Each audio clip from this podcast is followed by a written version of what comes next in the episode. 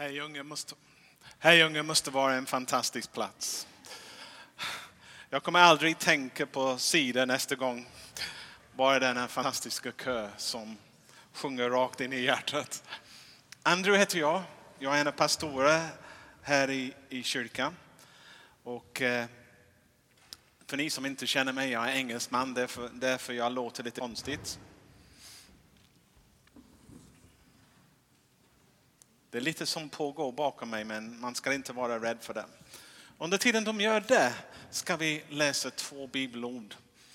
Eh, de kommer upp på skärmen här så vi får se det. Den första.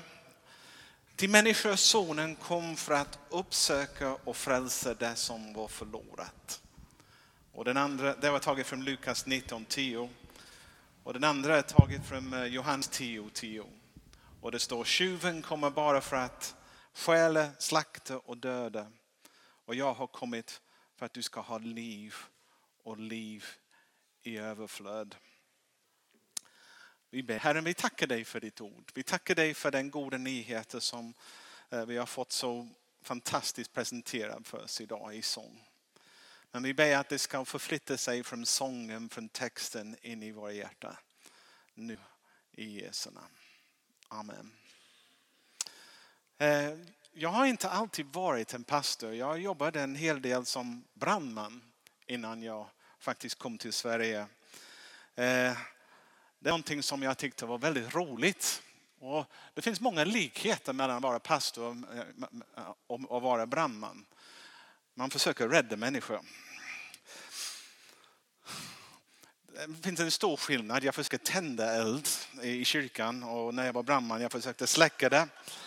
Men, men eh, det finns tillräckligt många likheter för att eh, jag kan använda några av min erfarenhet under denna predikan. Eh, det är väldigt spännande här med allt detta som pågår. Jag minns den första gången jag räddade människoliv och det var inte så enkelt som jag hade föreställt mig.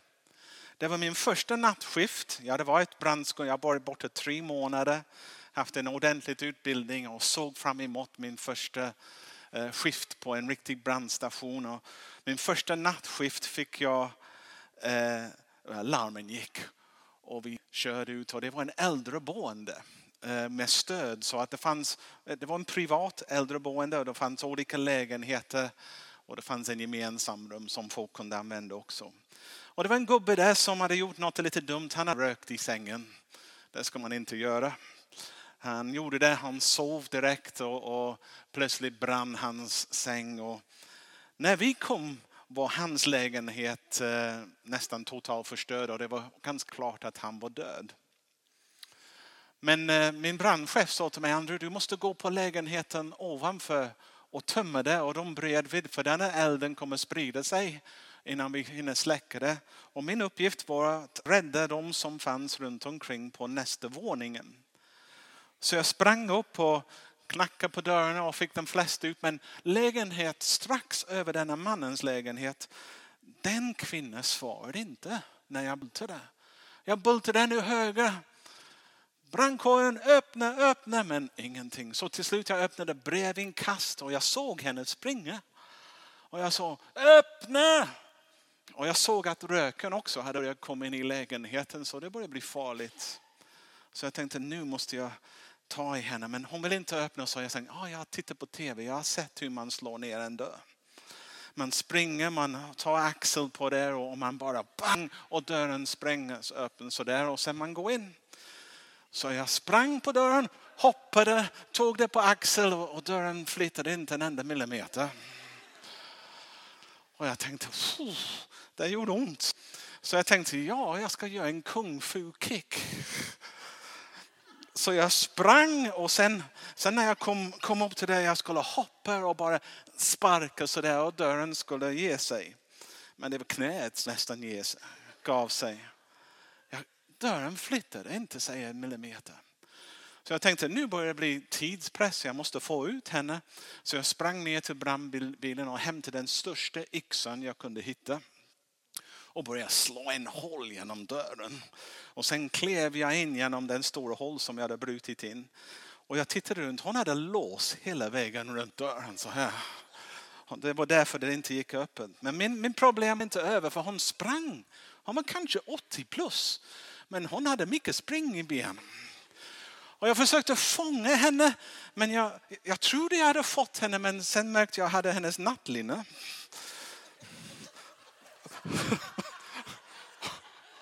Och hon, och hon var nu naken och började springa förbi. Och det kändes inte så där. Speciellt med tanke på We Too också. Att hur, hur ska jag ta i henne för att rädda henne? Men jag hittade hennes morgonrock bakom dörren så jag tog det och jag kände mig som en spansk matador. Så här försökte fånga henne. Och till slut lyckades jag fånga henne, få hon i det. Men hon sparkade mig som bara det och skrek och hon försökte bita mig. Men det var lite svårt för hennes tänder var i en glas på, på nattduksbord.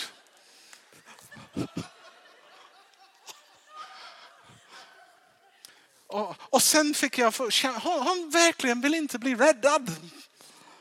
Och jag har aldrig trott i min, mina dagar att en 80-åring kunde vara så stark och så ge en sån stor fight.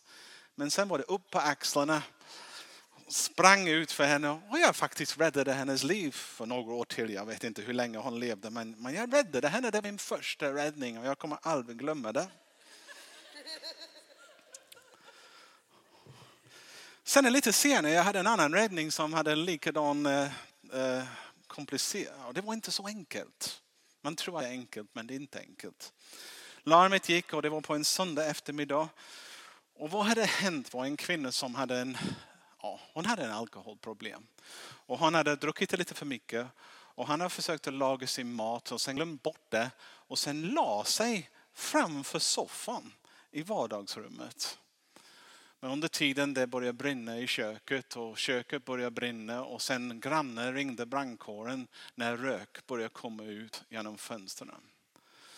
Och vi kom fram och jag, jag var en rökdikare då. Det betyder att jag hade en mask på och sånt och man eh, cylinder på ryggen och sånt för det var så mycket rök. Och när jag kollade genom brevinkast, det är väldigt bra med brevinkast.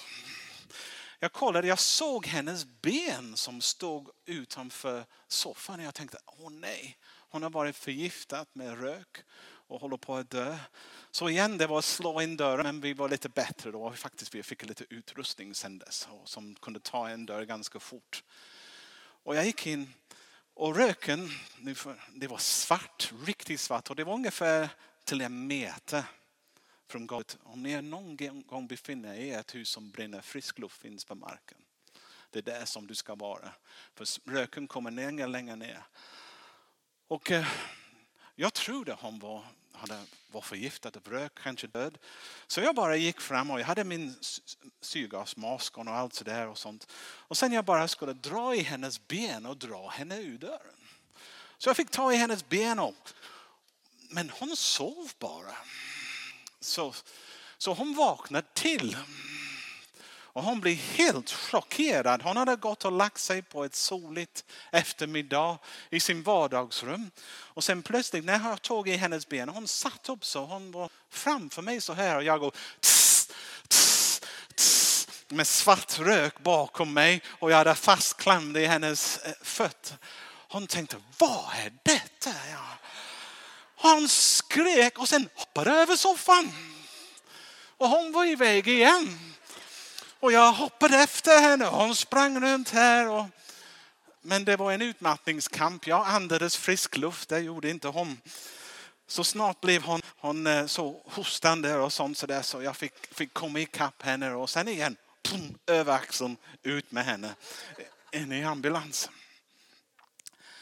Nu om vi skulle dela erfarenhet, deras erfarenhet och min erfarenhet och de två räddningarna.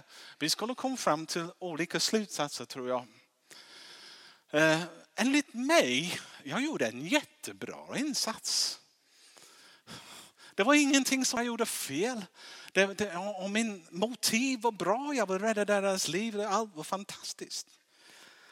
Men om man tänker på hur de upplevde det jag var en inkräktare som skrämde livet ur dem. Den första kvinnan var så nervös, hon var nervös för inbrott. Hon var en väldigt skakig person. Så hennes värsta mardröm var att någon skulle bulta på dörren eller bryta ner dörren och komma in. Och när hon fick se en yxa komma igenom dörren det var nästan som en värsta skräckfilm för henne. hade blivit en verklighet. Och sen denna mannen som jagar henne runt i hennes lägenhet. Det var den värsta som hon kunde uppleva. Och den andra kvinnan, jag faktiskt gick ut och pratade med henne efter för jag, jag mådde lite dåligt. Hon faktiskt skrämde livet ur mig också.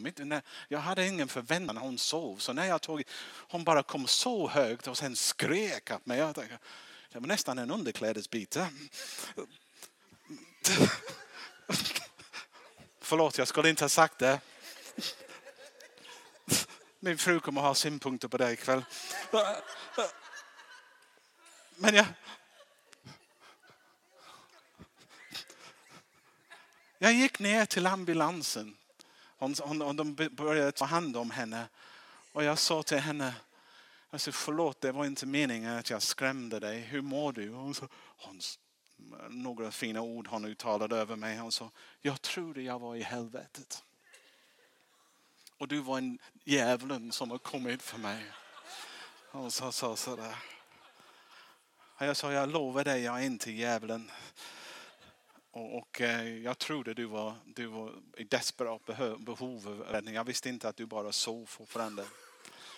Men eh, jag tror hon fick inte bara lite rökskada, hon var, hennes nerver var fullständigt skadade också. Så hon tyckte det var, det var inte så bra. Men egentligen vad jag kommer fram till, det spelar ingen roll vad hon upplevde eller hur hon tänkte. Eller hur jag tänkte. Sanningen var att om jag inte gjort en insats skulle de ha blivit förlorat. Det är sanningen. Det spelar ingen roll om, om de tyckte det var jobbigt eller inte. Sanningen var de befann sig i fara även om de inte visste om det. Eh, om, jag hade inte gjort det skulle de inte ha, ha levt. Och jag tänker på det som, den versen som kören bara läste nu innan de gick ner. För Gud älskade människor så mycket att han gav den sin enda son för att de som tror på honom inte ska gå under utan ha evigt liv. Gud sände inte sin son till världen för att döma den utan för att rädda den. Jag älskar denna texten. Men om, om Jesus ska komma till världen för att rädda den, det måste betyda att världen var i behov av att räddas. Eller hur? Även om världen inte visste om det. Även om vi inte fattade att vi befinner oss i fara. Att det finns någonting allvarligt som är fel som vi måste räddas från. Om Gud skickade sin son till världen, det betyder att vi behöver räddas. Vi befinner oss i fara. Och någonting skulle hända. Och jag ska säga, Bibeln beskriver vår status innan vi får möta Jesus som förlorad. Vilsna. Eller jag älskar det engelska ordet lost. Så, så jag tycker det är så beskrivande av den tillstånd vi befinner oss i om vi inte får möta Jesus. Och eh, jag tycker det, det förlorar både fysiskt, själsligt, andligt. Det är så. Och det spelar ingen roll om man har ett bra jobb, om man har ja, ett fint hus, om man har många vänner, pengar på banken, om du har allt som du vill ha. Din status utan Jesus är fortfarande förlorad eller lost. Och jag tror vi vet det också ibland. För även om man har allt det där. Det kommer tider i livet när det känns smygande ångest kom in. Och man känner sig en oro i hjärtat. Och, och till och med i en fullsatt rum man kan uppleva det ibland. att vem är jag egentligen? Vad håller jag på med? Vad, vad är meningen med livet? Man känner sig en rastlöshet eller obekväma frågor börjar dyka upp. Alltså, är detta allt? Finns det inte mer i livet? Och sen är mer tanken, varför är jag så rädd för döden? Den vanligaste försvarsmekanism som vi människor använder så fort sådana känslor börjar komma in, när det börjar kännas lite obehagligt, lite tom. Jag skulle säga när tomhet tränger in på det sättet. Den vanligaste åtgärden vi gör, vi brukar ja, köpa lite mer saker. Eller, eller fylla livet med lite mer. Vi måste göra något annat. Eller ja, lyssna till lite mer musiken och höja volymen lite så att det dämpar den rop som börjar ropa inom oss. Eller ibland man kan eh, fortsätta, det kan bli ännu värre. Och man gör vad som helst. Vad som helst för att slippa. Men vissa har det så mycket så att de till och med vänder sig till, ja, jag tar ett glas till. Eller Jag tar lite droger. Eller, nu kommer ni inte gilla vad jag säger, men hur många människor tänker så jag måste få ett ligg eller någonting. Så fungerar det samhället som vi lever i. Någonting måste dämpa den trängande tomhet, den vilsenhet som jag upplever ibland. Och det kommer till oss alla. Ni alla vet vad jag pratar om. Jag vet att ingen här inte vet det.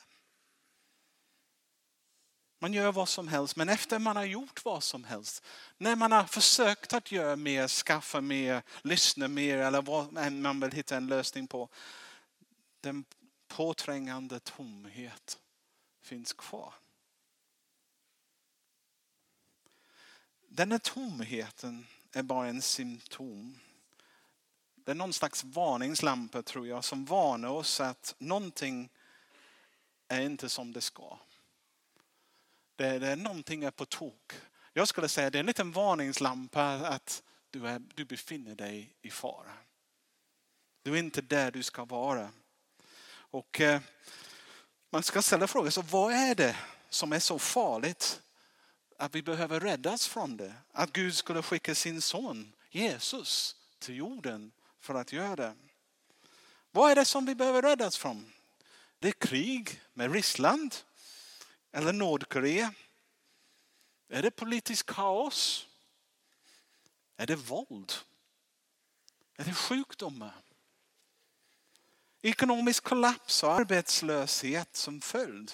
listan kan vara hur lång som helst.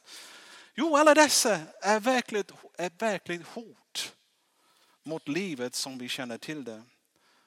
Men den absolut största fara i mitt liv är mig själv. Den absolut farligaste sak som vi möter i våra liv är oss själva. Det är där som den stora fara ligger. Om jag själv får, får för mycket, om man säger utrymme. Inom mig finns, jag kan tala för mig själv när jag gör det, jag vet att ni, ni kommer känna igen er också. Men inom mig finns, finns en enorm kapacitet till, destruktiva, eh, till destruktivitet. En obegränsad förmåga att skada mig själv, skada andra människor.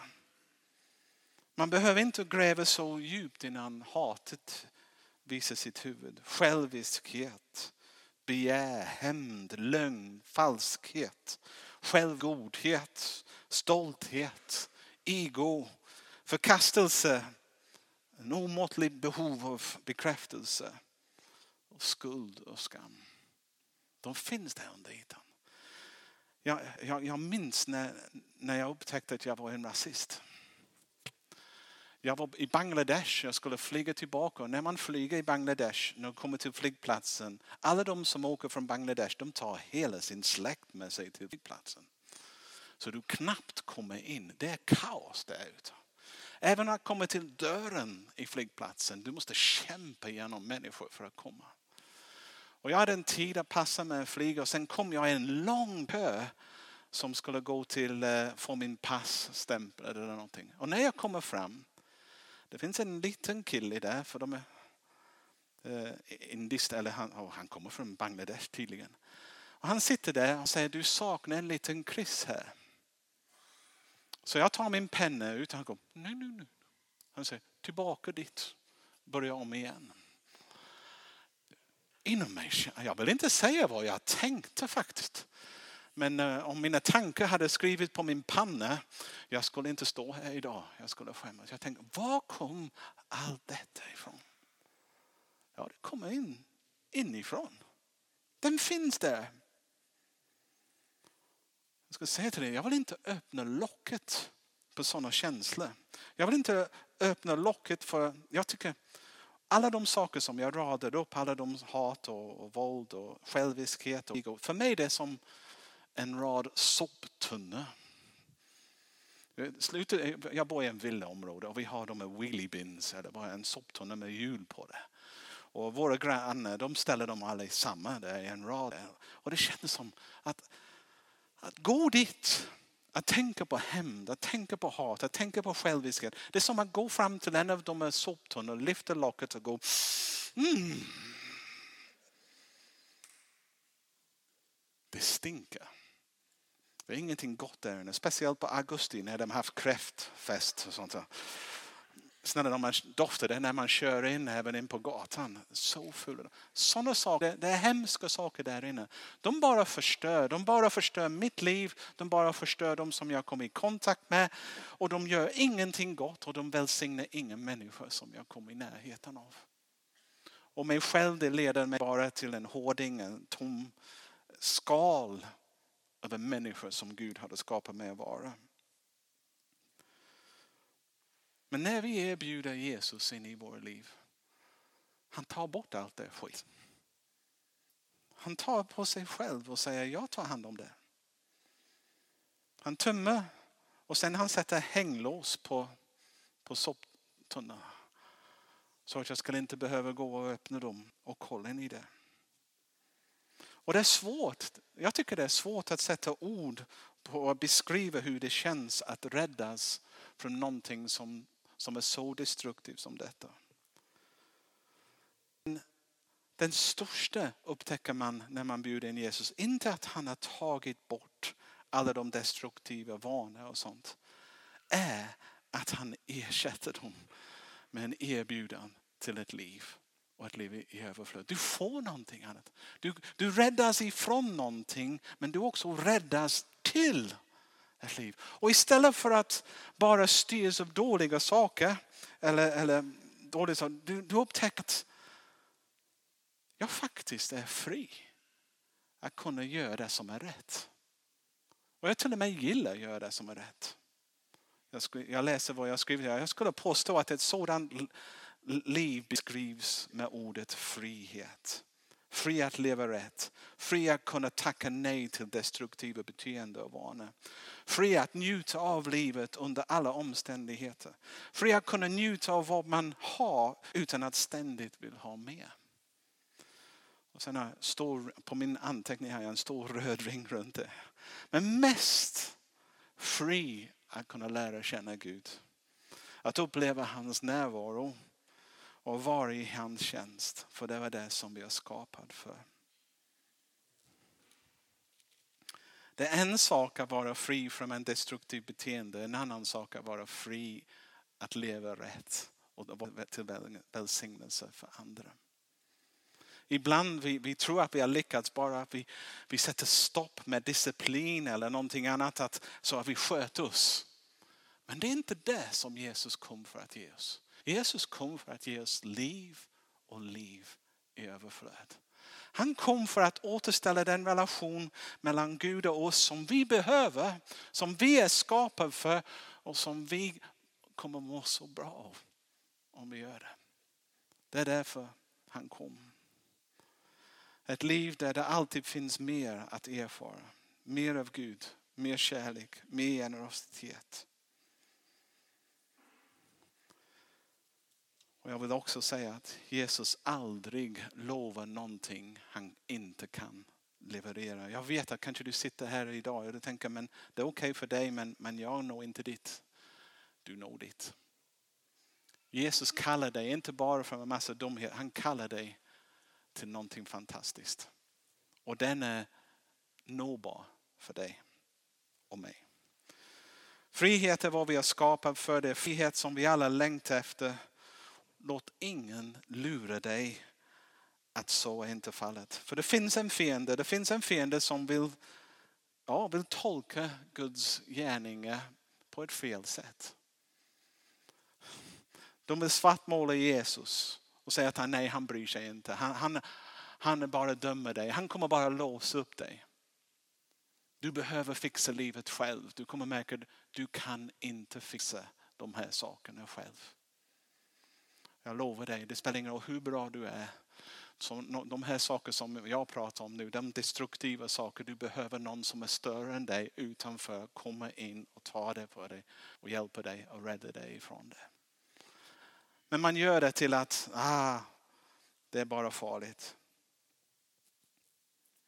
Han vill att vi misstänker att Jesus är god. Han vill få oss en bild av Gud som en dömande Gud, en hårding som inte gillar oss. Men sån är inte sanningen. När Jesus kom till världen, det var en kärlekshandling. Ingenting annat. Det var en räddningsmission, ingenting annat. Han kom inte för att döma, han kom för att ge liv. När Jesus bryter dig in i din värld, när du börjar känna som han tränger på på dig också. Det är en kärlekshandling, ingenting annat. Han är för dig. Han vill bara din bästa. Han vill lyfta dig, han vill hjälpa dig, han vill ge dig stöd, han vill ge dig ett liv. Punkt. No stranger attached. Om vi tolkar det på något annat sätt, då har vi varit lurad.